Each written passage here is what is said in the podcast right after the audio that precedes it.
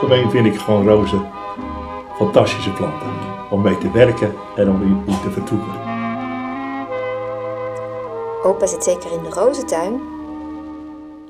Jan de Haan vertelde me dat zijn kleinkinderen dat vragen als hij thuis niet te vinden is. En ja, hij zit vaak in het Rosarium in Boskoop waar hij vrijwilliger is. Samen met een viertal andere mannen. Hij waarschuwde me. Wij zijn geen mannen van woorden, wij werken met onze handen. Maar hij vertelde me veel over de geschiedenis van de plek, het cultiveren van rozen en zijn liefde voor de roos, al verwoordde hij het misschien wat anders. Hij zei: De roos is belangrijk voor me. En toen ik vrijwilliger Simon vroeg naar waarom hij zich inzet voor het Rosarium, zei hij: Boskoop hoort bij het Rosarium en het Rosarium hoort bij Boskoop.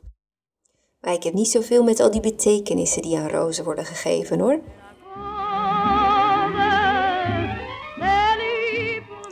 Deze muziek is La Vie en Rose van Edith Piaf.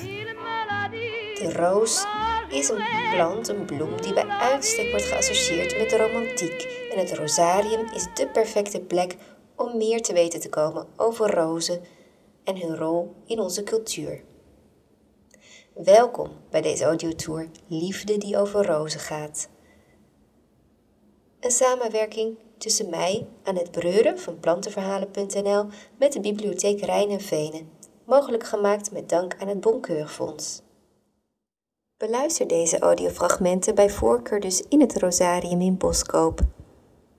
Want daar kun je de kleuren, de geuren van de rozen of de mooie bottels op je in laten werken, de ouderdom van de bomen die om het Rosarium heen staan en de prachtige architectuur van het gebouw Flora.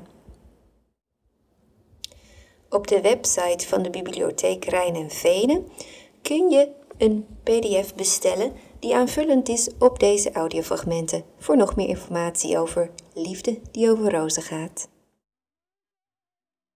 Het Rosarium in Boskoop is een rijksmonument en ligt pal tegenover het station. Makkelijk te bereiken dus. Het is aangelegd bijna 100 jaar geleden in dezelfde tijd als de treinlijn tussen Alphen aan de Rijn en Gouda. Al, jaren worden heel veel Boskoopse bruidreportages in het Rosarium gemaakt. Met name het prieeltje. Uh, er is een paar jaar geleden is een tentoonstelling geweest en er waren honderden foto's van bruidstellen bij het prieeltje.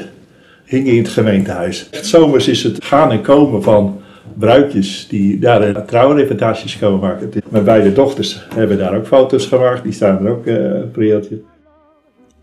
Al dus vrijwilliger Jan Den Haan.